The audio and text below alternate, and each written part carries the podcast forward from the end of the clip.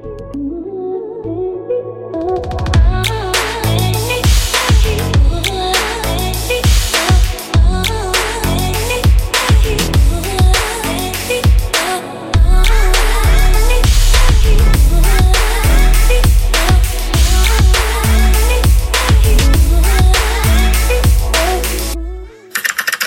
river av klærne og kaster alt ut i snøen. Både vesker, eiendeler og klærne.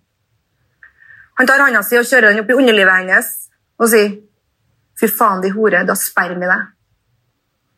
Han kaster henne i veggen og prøver å kaste henne ut på gata naken.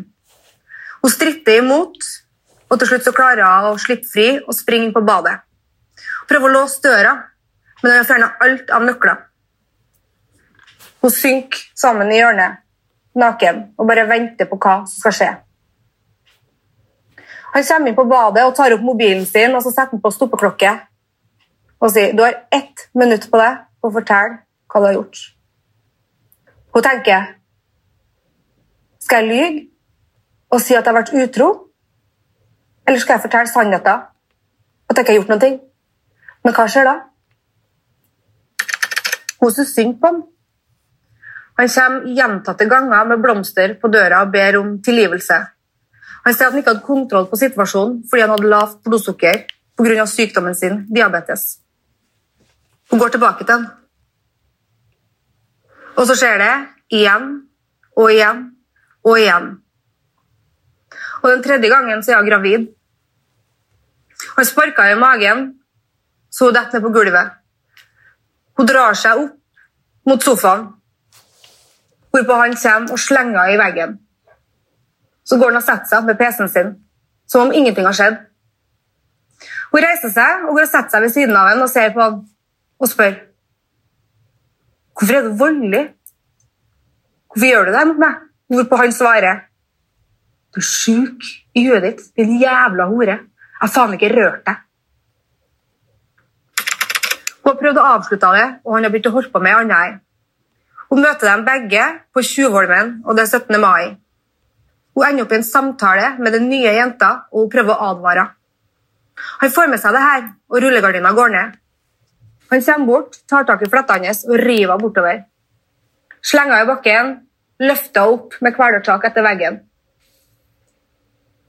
Alle ser det, men ingen griper inn. Og hun tenker endelig, endelig skjer det. Jeg har vitner. Jeg har bevis. Historiene som jeg har delt de siste dagene, er mine personlige historier som jeg har opplevd. Jeg har levd i et voldelig forhold, både fysisk og psykisk. Målet mitt med å dele det her det er å fjerne skam og tabu og inspirere folk til å prate åpent om temaet. For hvis jeg kan hjelpe bare ett menneske, så er det verdt det. I dagens episode så skal jeg snakke med Therese. Og nå så skal jeg ringe henne og gratulere hun som årets beautyprofil i 2020 på Costume Awards og få høre hennes historie. Om du trenger noen å prate med, så kan du alltid ringe Volinjen, en hjelpelinje for deg som opplever vold eller overgrep i nære relasjoner, på 116 006. 116 006.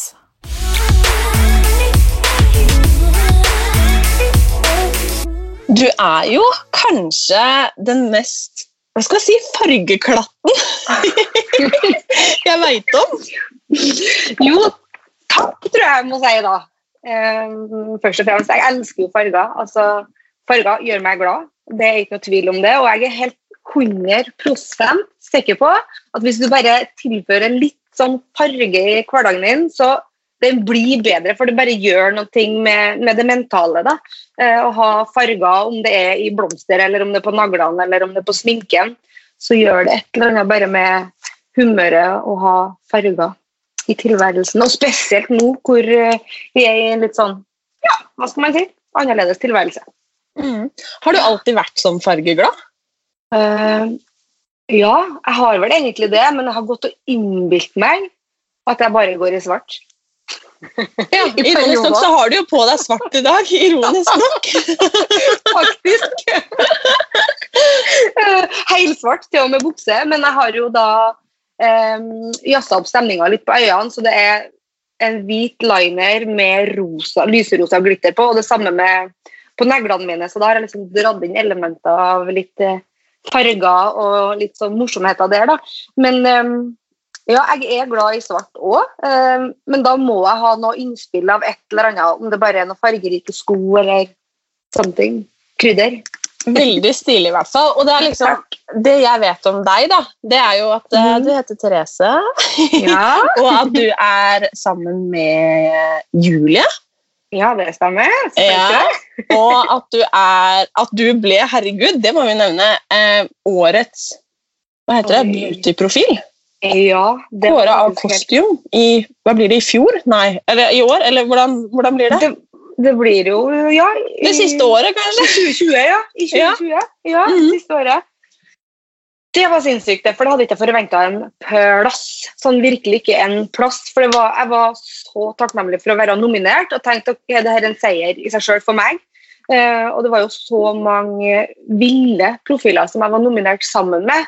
Så det var ikke min det, altså, et fnugg i meg trodde at jeg skulle gå av med seieren, og da var det jo ekstra artig. Jeg ble sånn her slått i, slått i bakken. jeg husker jeg fikk melding fra Julie, og Julie sånn, hun, det er aldri noen tårer Eller aldri, selvfølgelig, hun har tårer hun òg, men hun er litt sånn beinhard. Så fikk jeg bare melding fra meg en gang, for hun satt og streama det. Og bare Å, herregud. Jeg griner. Og jeg bare sånn Shit, tenk at du gjør det. Men det var sånn, for det her har ingen av oss forventa, men hun vet jo hvor hardt uh, jeg har jobba, og hvor mye det ligger bak. Så da, det var veldig fint. Mm. Veldig fortjent, det syns i hvert fall jeg. Men hvor viktig er liksom altså, beauty da, for deg? Vet du hva? Um, selvfølgelig veldig viktig. Uh, og så blir jeg litt irritert når folk sier at det her er bare overfladisk og at uh, ja, det du jobber med, det liksom betyr ingenting. Eller, for Man har jo veldig mange som tenker at okay, jeg bidrar ikke til samfunnet. Og ja, man kan si det, at jeg har ikke en viktig jobb um, som kan sammenlignes med alle andre viktige jobber. Og mange ganger så har jeg skulle ønske at jeg kunne ha hatt en annen type jobb hvor jeg faktisk får hjulpet folk enda mer. da. Uh, for leg, altså, Man kan jo bare ramse opp alle de yrkene der. Men uh, beauty og skjønnhet og velvære, det er kanskje der skoen trykker mest. Velvære for hvis du føler deg fresh, hvis du føler deg bra, så gjør det noe med det mentale, det gjør noe med deg, det gjør noe med kroppen eh, som bare gjør at dagen blir bedre. Og det er, det er ikke sånn det er. Og da, da mener jeg ikke at du skal liksom gå all in med full sminke eller eh, virkelig liksom dusj i, i, i malebøtte for å liksom få på deg mest mulig. Det kan være null sminke òg. Det handler bare om at du kanskje har en deilig dusj, en god duft, eh, rene klær. Sånne, sånne, ting som bare gjør at du føler deg bra. Da. Og Det synes jeg er så undervurdert. Um, og så er det også noe med det at hvis jeg kan lære noen enkle grep For jeg sier at du kan føle deg fresh helt enkelt. Du trenger ikke 1000 steg og contouring og full bøtteballett. Det er liksom små ting som bare gjør hverdagen bedre. Hva skal til for at du føler deg freshest? Oh, vet du hva? Det går på humøret. Jeg kan våkne opp en dag og så kan jeg føle at okay, nå er det helt sånn senorita-stemning i heimen. Nå var det liksom la-la-la-lambada og rød leppe og altså, den viben. Eller så kan det være sånn skikkelig sånn edgy, rocka, masse skinn. Litt sånn som jeg følte meg i dag, faktisk, med en sånn høy eyeliner og litt sånn tøffere. Um, eller så kan det være null sminke og bare en sånn deilig joggedress. Det går rett og slett på hvordan jeg føler meg når jeg våkner. For jeg føler at mitt følelsesregister det er, liksom sånn, det er, så, det er så, mye. da. Uh, og En gang så har jeg lyst til å være en dag så vil jeg være sensuell, og neste dag så vil jeg bare være en fargeklatt uh, uten sminke. Så det er ja, det, det, varierer veldig, men alltid da en, en, deilig dusj uansett, så man bare føler seg rein. Og kanskje en god ansiktskrem. og ja, da er kommet langt på vei. mm.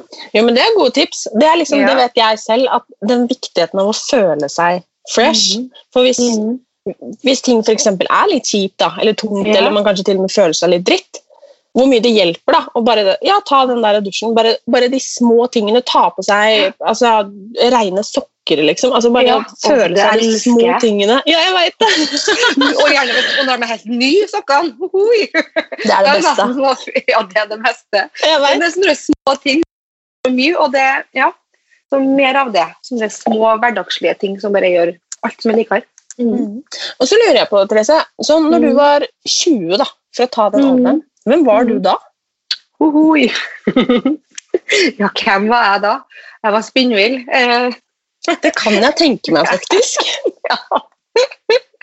Å, helle måne. Ja, det var ganske gøy. Men når jeg var 20, ja, jeg kom faktisk godt opp i 20-årene, sånn typ 22-23, tror jeg.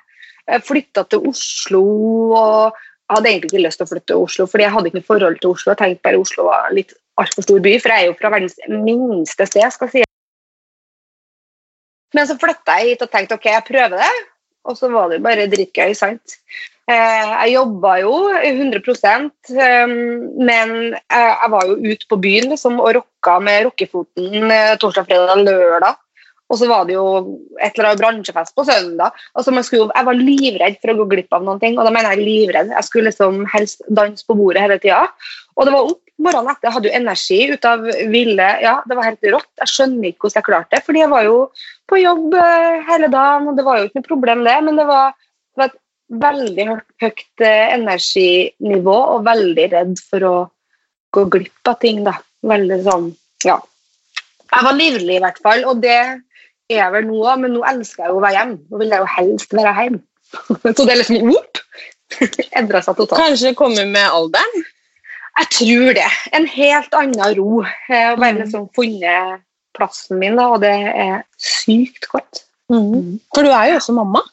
Ja, og det er det beste som har skjedd. Ja, det er det beste som har skjedd. Det må jeg bare si. Det sier alle, og det er sikkert For dem som ikke har unger, så er det sikkert bare Å, herregud, skal du være hun som sier det? Men eh, det bare, du bare får en helt annen ro, og ting som var viktig før, det er plutselig ikke viktig i hele tatt i det store bildet, da. Så ja, det er fint. Og jeg husker veldig godt um, november 2019. For jeg Mm. fulgte deg på eh, Mm. Instagram. Eh, Mm. Den glade, livlige, sprudlende dama som det du er. da. Eh, Mm. Med masse deilige klær, sminke som bare Den der deilige energien, liksom. Ja. Og så plutselig så kom det en video. Eh, Ja. og det kom ikke bare én, det kom vel fire. Det kom fire. Um, som var ganske mørke. De liksom mm. skilte seg ut fra, fra den jeg Hva skal man si? Det du vanligvis delte. Ja. Der du uh, formidla en historie Mhm. eh, om en eh, kvinne som mm. var i et, eh, eller en voldelig relasjon, Mm. både psykisk og fysisk. Um, og så viste det seg at den historien tilhørte jo ikke en fremmed, Nei. men den tilhørte deg. Ja. Det gjorde jeg. Jeg blir helt sånn rørt nå når jeg tenker på det. Eller sånn Mm. rørt er feil å si, men jeg får sånn tårer i øynene. Og det er ikke fordi at eh, nå den dag i dag så er jeg takknemlig for at alt det der skjedde, fordi det har gjort meg til meg.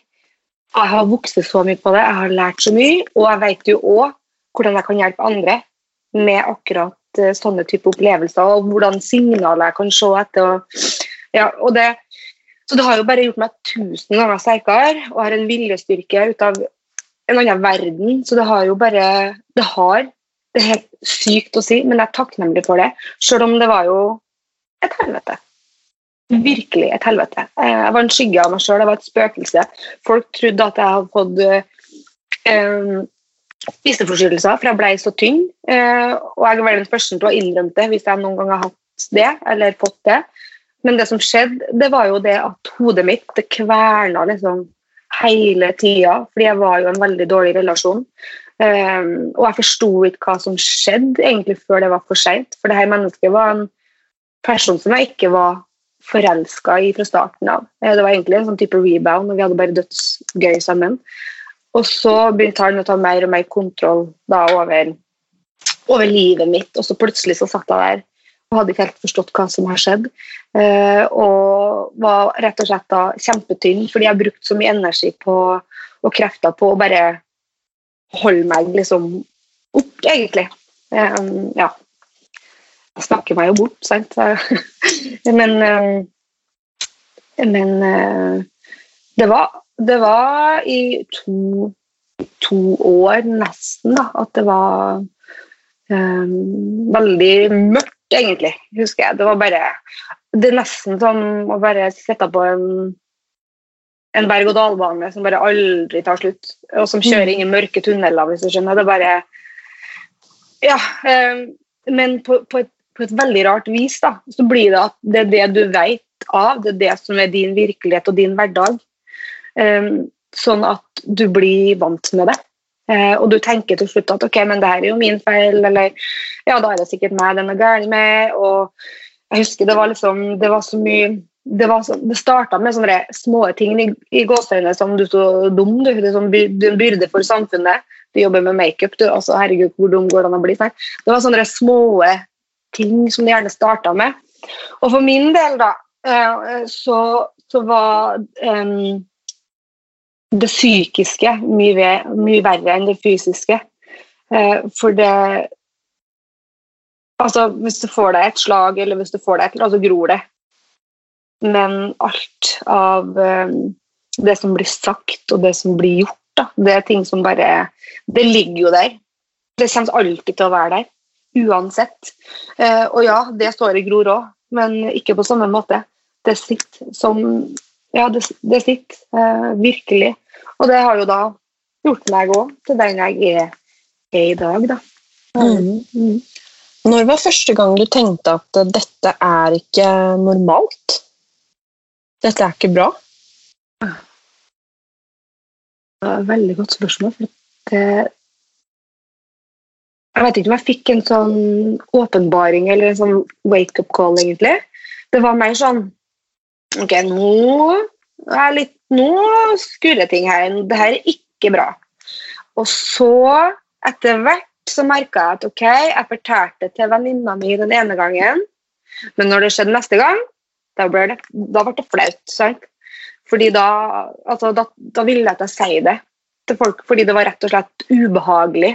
Og jeg var flau over at jeg lot noen behandle meg på den måten, for jeg visste jo at det her ikke var bra. Men jeg klarte ikke å gjøre noe med det. Um, og mine nærmeste så det kanskje, men det er veldig vanskelig som en pårørende å, å liksom ta grep. da.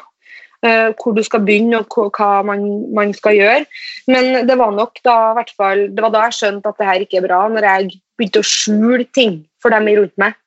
Og begynte å dekke over og unngå da um, tema uh, rundt det her andre mennesket. eller ja, at jeg rett dekka over og skjønte at okay, det her er jo bare helt sinnssykt. Det er jo ikke bra en plass, noe av det her. Um, og jeg husker jo spesielt den ene gangen hvor jeg da ble rippa av alt av klær og um, fikk meg en eh, skikkelig trøkk opp etter veggen. Um, og tingene mine ble kasta på gata, og det var snø ut. Og jeg sto der og ut, helt naken. Bare det i seg sjøl. Det er egentlig det jeg husker best. At jeg sto helt naken uten noen ting. Eh, for så nedverdigende, liksom. Det at du da får deg et slag eller at du får stygge ord, det er én ting, men jeg sto helt kliss naken. Um, um, og så husker jeg at jeg sprang inn på badet og satte meg nede i hjørnet, men det var jo ikke noen nøkler, det var jo ingenting, de var jo gjemt. Så jeg bare sank ned der.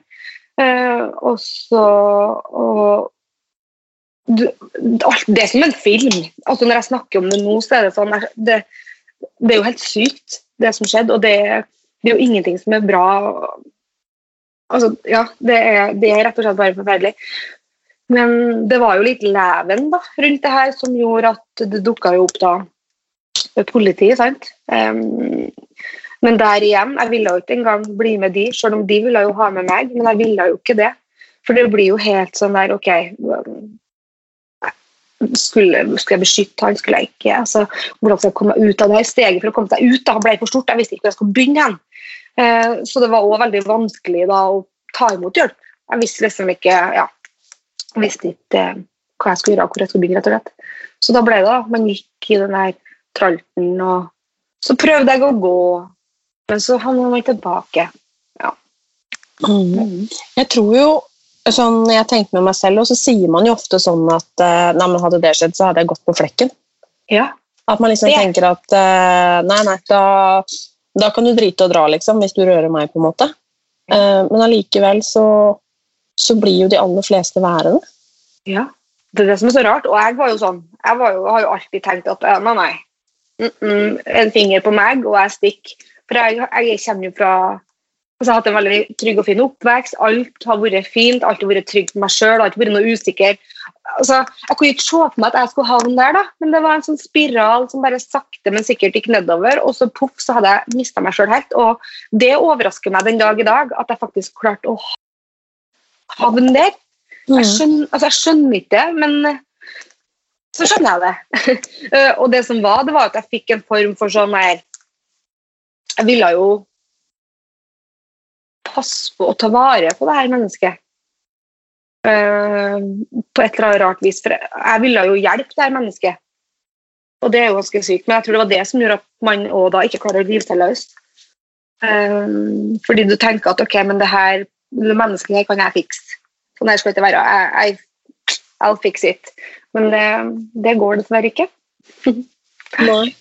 Kan jeg få spørre hvordan en vanlig dag var for deg? Ja. Uh,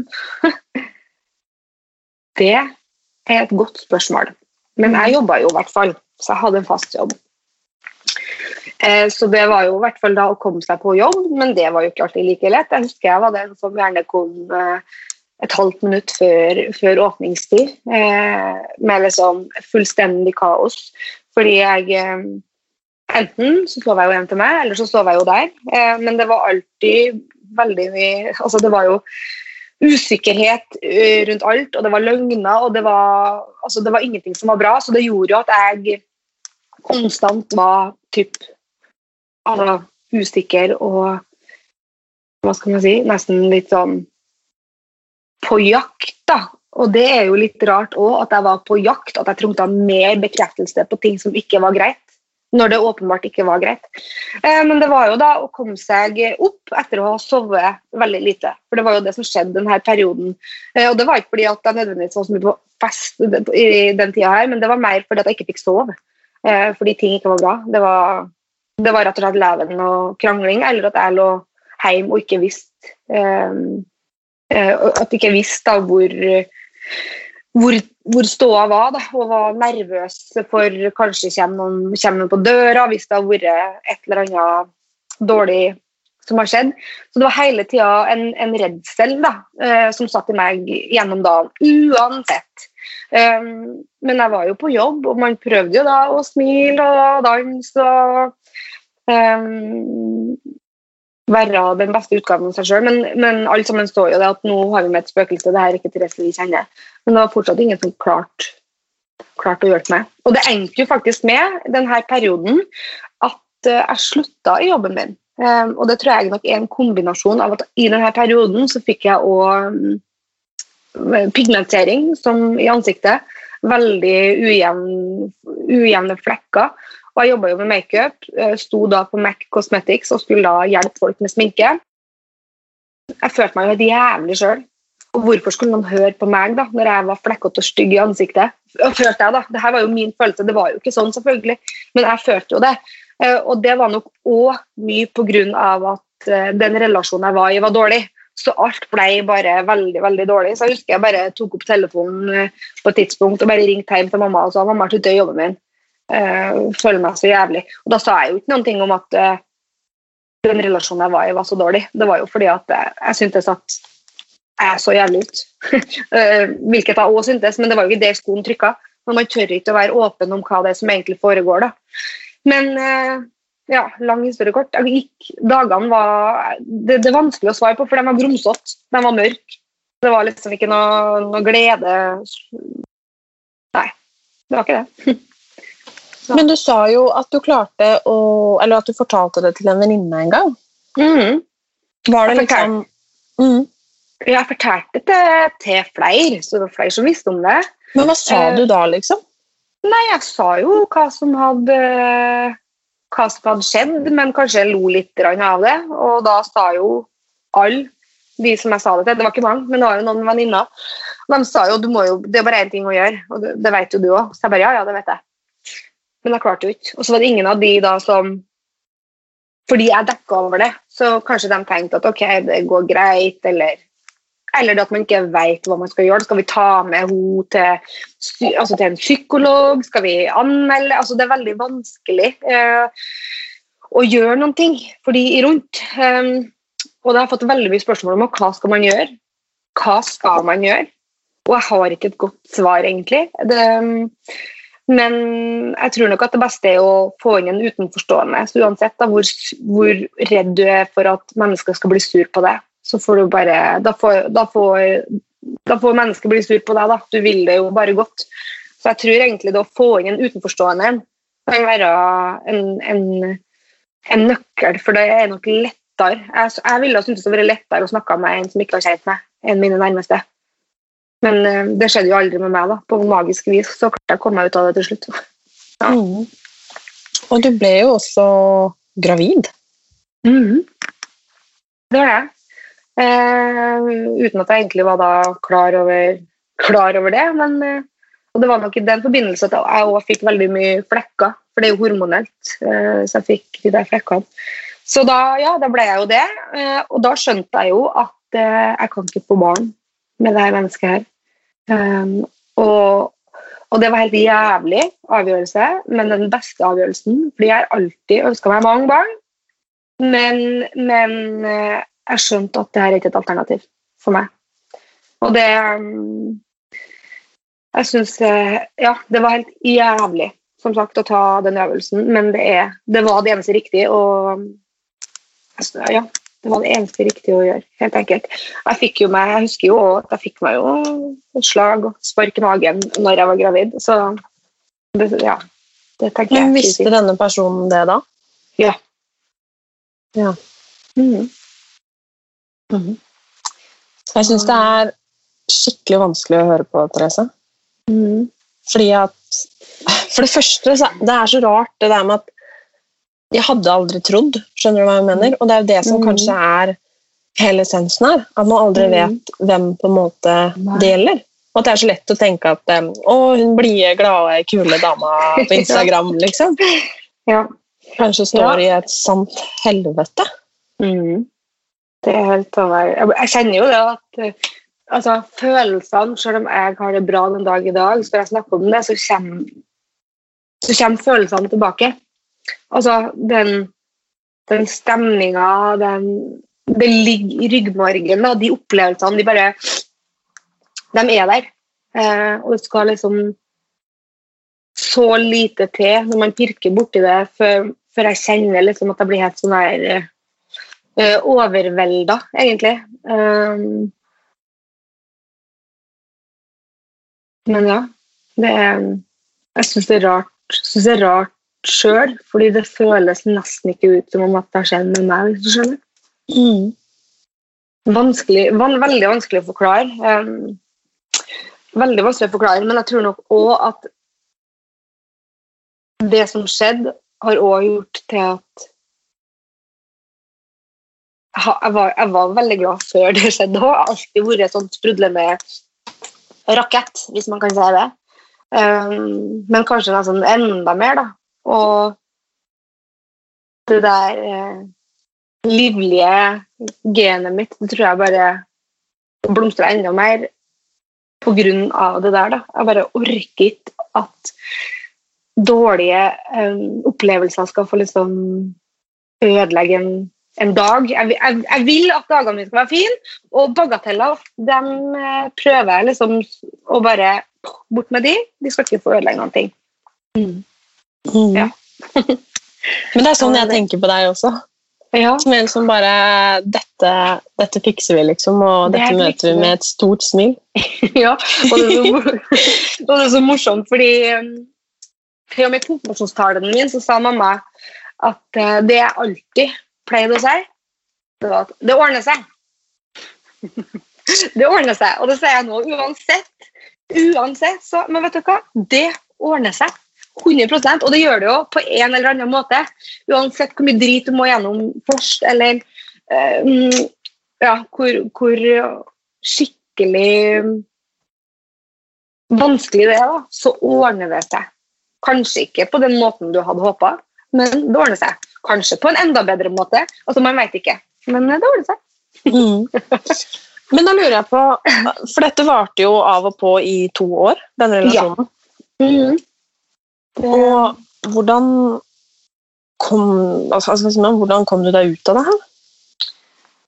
Jeg prøvde jo Du aner ikke så mange ganger, liksom. Altså, man, man prøver jo alt man har. Jeg flytta hjem i tre måneder, eller to måneder var det kanskje, til den her øya som er halvøya som jeg kommer fra, eh, og bare var der. Men med en gang jeg kom hjem igjen, altså hjem til Oslo, så var det back on track. Så man prøv, jeg prøvde så mange ganger. Men eh, det blir en form for avhengighet, rett og slett. Eh, bruker jeg å si. Det er sånn, noen blir avhengig av eh, alkohol. noen blir avhengig av eh, eh, altså snus. Noen blir avhengig av en sånn form for relasjon. Fordi, og det er, det er, fordi det er det du blir vant med. Du er vant med at det her skal skje, eh, tror jeg, da. Eh, men, eh, så, det, så det har vært nesten i gåsehudene en slags avhengighet, så jeg for jo rett tilbake. Men eh, jeg, prøv, jeg drev jo hele tida og bare boosta meg sjøl. Ok, det her klarer jeg ordne seg, jeg skal komme meg ut. Men uten at jeg snakka med veldig mange om det, som sagt, fordi det var jo veldig flaut. Og så hadde jeg faktisk eh, nok en gang gått. Jeg var fortsatt ikke sikker, det merka jeg jo. Jeg tenkte sånn, ja ja. Det går kanskje ei uke, da, og så er vi back on track. Men det som da skjedde, det var at uh, vedkommende, som var um, alltid er veldig kontrollert det bare Rullegardina gikk ned i offentligheten. Så det var jo veldig mange som så hva som skjedde. Eh, av, for det var jo på selveste 17. mai. Eh, ut på, på Aker Brygge der. På dagtid, typ klokka vet ikke, tolv. Um, så alle Plutselig så så alle sammen det. sant? Alle. Uh, og da var det litt sånn der, da var det et eller annet i meg som var sånn her Ok, det her er min billett. Fordi nå er det ikke ord mot ord lenger. Fordi det her, det her mennesket er veldig god på å prate for seg sjøl, som gjør at jeg var redd for Ok, hvem skal tro på meg? Men nå så jo alle sammen det. Så det som har skjedd, det var at um, etter at jeg fikk uh, gjennomgå litt i offentligheten, hvor det òg uh, altså kamera, for det er jo kamera på uteplasser, sant?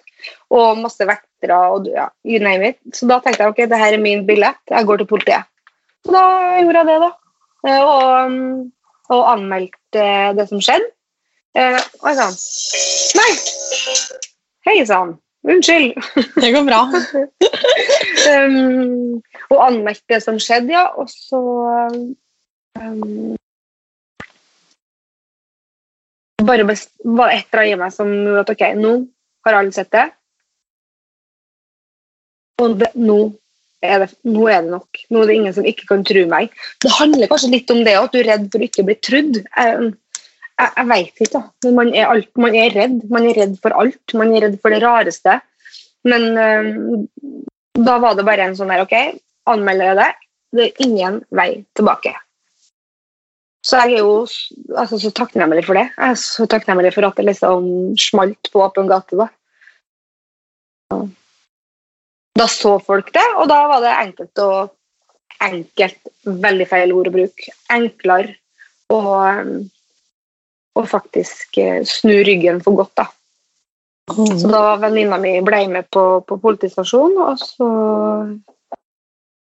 Ja. Så husker jeg at eh, jeg husker så godt at det var sånn Ja, du må, du må, du må komme tilbake i morgen, eller et eller annet sånt.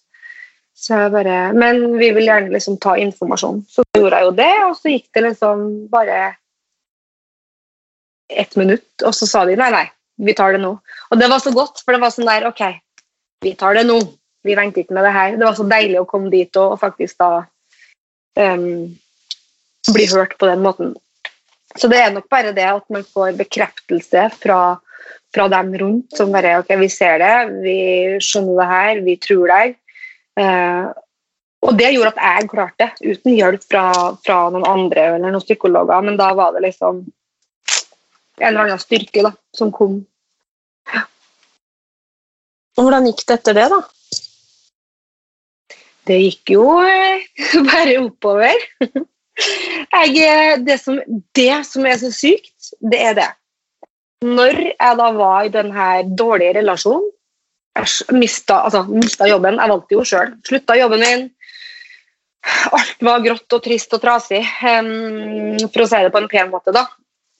Og så, når jeg først har klart å snu, snu ryggen 100 uh, eh, så begynte jeg ok, nå må jeg uh, gjøre det som gjør meg glad. Og det var alt fra små ting til større ting. Så jeg tok kontakt med de jeg kjente eh, i forhold til liksom, makeup. Jeg har alltid jobba eh, frilans òg, men så For jeg ville jobbe enda mer frilans.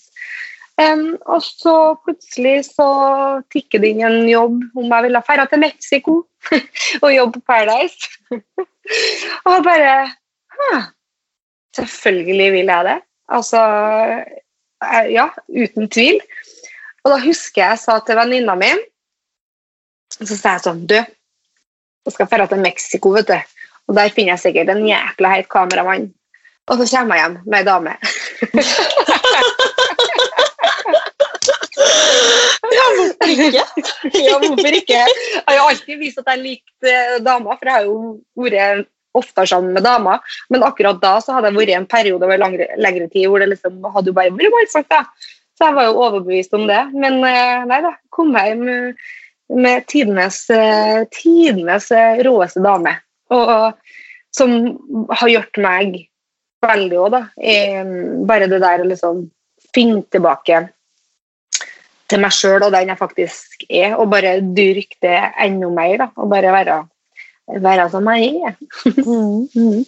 Herregud, det er jo fantastisk. Ja, det var, det, var, det var, Men det er så rart, for med en gang du da klarer faktisk å lukke den døra, så åpnes en, altså en helt ny verden. Uh, men den verden åpner seg ikke før du faktisk klarer å lukke den døra helt. Og det, dessverre så er det jo mange som ikke klarer det. Og jeg husker jo når jeg lukka den døra, så var min største frykt at jeg skulle havne i det samme igjen. Fordi det sies jo at uh, det er fort gjort å gå på samme smell flere ganger um, av en eller annen grunn, uten at jeg kan for mye om det. Så det var, jeg var så redd for det, og at jeg skulle møte på et menneske til som skulle behandle meg på samme måte. At jeg liksom stråla et eller annet som gjorde at det var det jeg tiltrekte meg. hvis du skjønner da. Uh, mm. Heldigvis ikke. Heldigvis ikke. Men jeg lurer, for at uh, bli, altså, ble du på en måte redd for menn? Eh, nei da. Nei da. Nei. nei da. Heldigvis har jeg møtt veldig mange bra mannfolk. Mm. Men eh, faktisk, den dag i dag, så er det ting som plutselig gjør at å, shit, nå, nå blir jeg redd. Eh, og det kan være spesielt hvis det er om kveldene. Um, og da, da, er det jo mannfolk jeg er redd for. Jeg er ikke redd for at noen damer skal komme og ta meg. liksom. Så jeg er ikke Men um, um, ja. Og det er nok òg pga. hendelser hvor Altså de hendelsene som skjedde, hvor jeg plutselig da Det banka på døra altså i perioder hvor jeg prøvde å stikke, sant? Hvor, liksom, hvor jeg ble oppsøkt da, på rare plasser. sånn at det er jo noe inni meg der som gjør at jeg er, har noen type frykter, da. Men ikke mannfolk generelt. Eh, nei. Jeg, jeg, nei, ikke det. Jeg er ikke redd for mannfolk. Nei. Det fins mange gode mannfolk. Åh, jeg veit det. Og det er jo innmari fint. Ja, det er veldig fint. Det er det. Så jeg prøver liksom å tenke på det at uh, ja, de fleste er bra. Så, for man helt i starten, dette her med um, Jeg tror det er så mange da, som ikke har opplevd det selv, og det kan jeg ofte lese i mm. kommentarfelt hvis det har vært mm. en sak der noen har blitt dømt, eller altså lignende. Mm. Det der at Hvis det har skjedd én gang, ja. hvorfor lar man det skje to eller tre eller 50 ganger til? Ja, det, det, kan, det er et veldig godt spørsmål. Jeg klarer faktisk ikke å svare på det. Det, fordi nå så tenker jeg igjen så står jeg her og tenker nå hvorfor lot jeg det skje? Men det skal jo sies at jeg prøvde jo gang på gang å gå. Altså, jeg prøvde jo virkelig. Men så var det noe som da gjorde at jeg kom tilbake pga. den avhengigheten i gåsehudene. da. Det var jo det. Fordi, ikke sant, det, det, er jo ikke bare drit. De her menneskene har jo òg bra ting. sant? Um, og det er jo derfor man gjerne blir i sånne relasjoner. Fordi de kanskje plutselig pimper deg med veldig masse fine ting. Da, altså ikke, da, da mener jeg ikke materielle ting, men ord. Um, for da i neste øyeblikk å bare gruse fullstendig over det. Sant? Så det er nok det der eh, de kontrastene de kontrastene der sant, som gjør at ok, etter noe drit så kommer det noe veldig bra. Hvis du skjønner? Så blir det mm. det der evige jaget etter å liksom oppnå det bra, da. Uh, ja. Og den, når kontrasten er så stor òg, så blir liksom den Jeg vet ikke, den, jeg kaller det en avhengighet, jeg vet ikke hva annet jeg skal kalle det. Så blir det der jaget og den avhengigheten bare ja, en helt vanlig ting som du prøver du, Som du er vant med, da, og som du vil Du vil Du, vil, du søker den følelsen da, hele tida. Du søker den følelsen om at ok, nå blir det bra igjen. Så jeg tror ja, Vanskelig å forklare, skjønner du, men mm. ja. Og det har jo blitt bra. Det har blitt nå. bra. Ja, det har blitt kjempebra.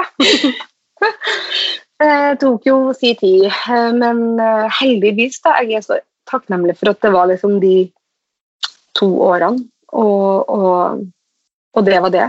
Og i ettertid så har jeg jo òg mm, fått veldig mange tilbakemeldinger fra andre damer da, som har opplevd det samme. Um, og det at jeg da faktisk kan hjelpe noen. Til og med av damer som opplever det samme med samme menneske. Um, og det, det, er bare så Det er så fint at man kan være sammen om det, da. Og dele følelser og hjelpe hverandre. Og, selv om det er lenge siden. Og, og når, um, og når helt, altså helt fremmede tar kontakt og bare takk for at du, du deler en, ja, og at de tar grep fordi jeg deler en liten video. Det, det jo, hvis jeg kan hjelpe ett menneske, så er det verdt det. Det har jeg alltid sagt. Og heldigvis har jeg, vet jeg at jeg har gjort flere enn bare ett menneske òg. Og det er, det er, et så viktig, det er så viktig tema.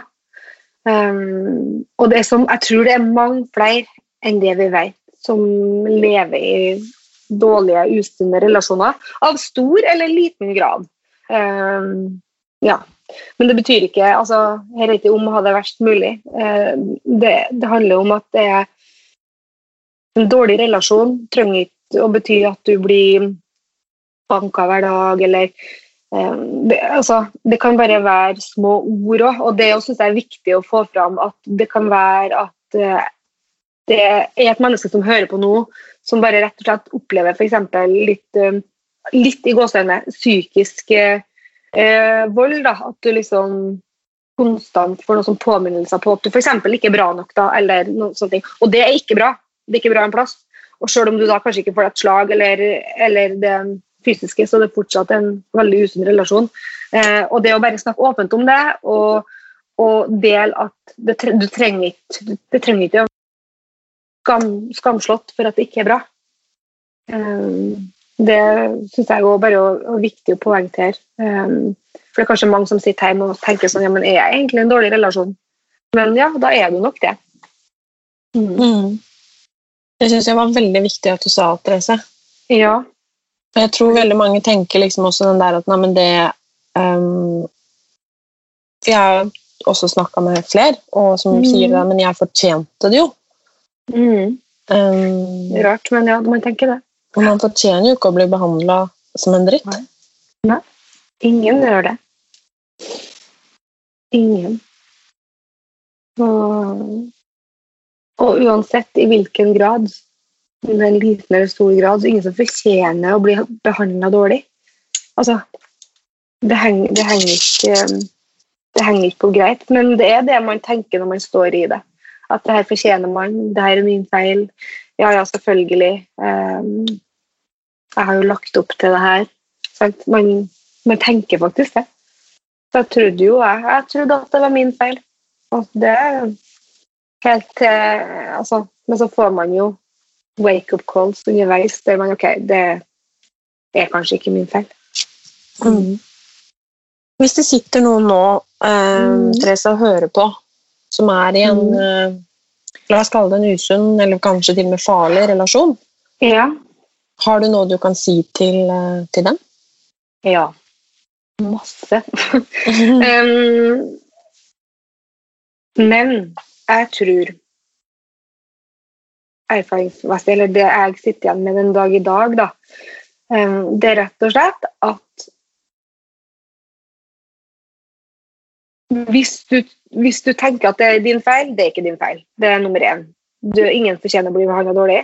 Og så håper jeg av hele mitt hjerte at man klarer, om det er å gå til fastlegen sin, eller om det er å gå Bare ta kontakt med noe, eller noen som ikke kjenner deg, som kan hjelpe deg til å få et menneske du kan prate med, som ikke kjenner deg, og som ikke har en relasjon til deg. Fordi at det å prate med noen du kjenner, om en sånn ting som, er, som man ofte faktisk går og kjenner på en skam over sjøl. Man skammer seg over at man er i et sånn, uh, sånn relasjon, et sånt forhold. Så det å da faktisk komme seg Hvor man snakker med mennesker som det, Profesjonelt helst, selvfølgelig. Det tror jeg er en veldig stor, uh, stor nøkkel. Uh, for da klarer man nok å snakke om ting på en annen måte enn overfor dem som man kjenner.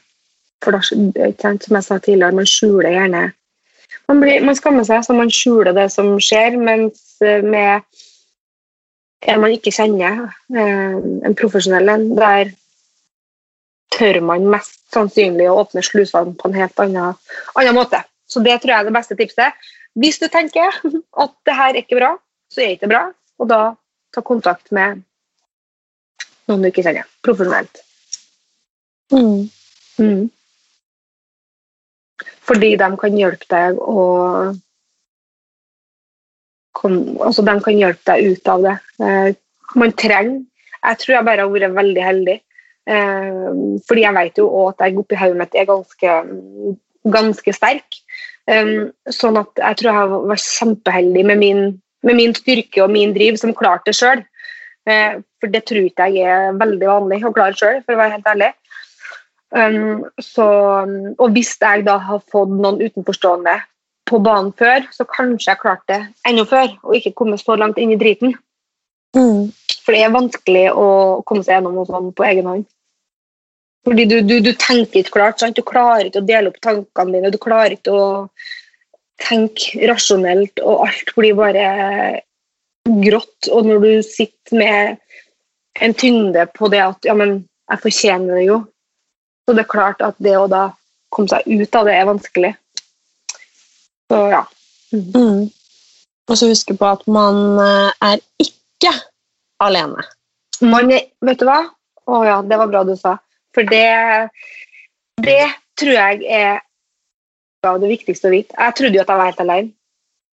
Eh, fordi det, det å kjenne jeg blir bare åh, blir så lei meg over at det blir så lite snakka om. Akkurat som folk liksom fortsatt eh, føler skam over det. da. Jeg skammer meg ikke den dag i dag. Eh, det var sånn det var. Dette var et kapittel av mitt liv som, som jeg er ferdig med. Men jeg vil mer enn gjerne dele mine tanker og opplevelser rundt det her for å skape åpenere, åpenhet rundt temaet. Eh, fordi man er ikke alene. Det er så mange. Det er så mange som sitter, um, sitter med det samme inni seg og opplever det samme. og vi må bare tørre å være mer ærlige. Men det er kanskje litt nordmenn òg, som er litt sånn Vi skal ikke snakke om det som ikke er bra, det er en fasade på ting. Og, men det er så viktig å bare dele og vite at man ikke er alene. For det kjennes alltid godt å vite at man er flere. Mm. Og jeg bryr meg, og du bryr deg. Ja, vi bryr oss. Ja, Helt klart. ja det gjør vi. Mm. Og jeg må bare si, Therese, at det er helt fantastisk. Og jeg er så glad for at du eh, ville dele med oss. Mm. For at du sprer om deg med glede og den deilige energien din. Og at du viser at eh, det blir bra. Det blir bra. Det ordner seg. Og det er sånn der, Nå får jeg tårer i øynene igjen, fordi det er sant, da. Altså, jeg tuller. Det er sant. Det ordner seg.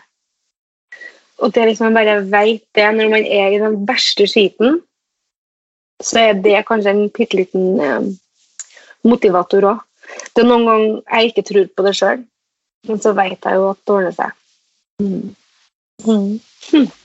Tusen takk, Therese. Takk for at jeg fikk være med, Martine.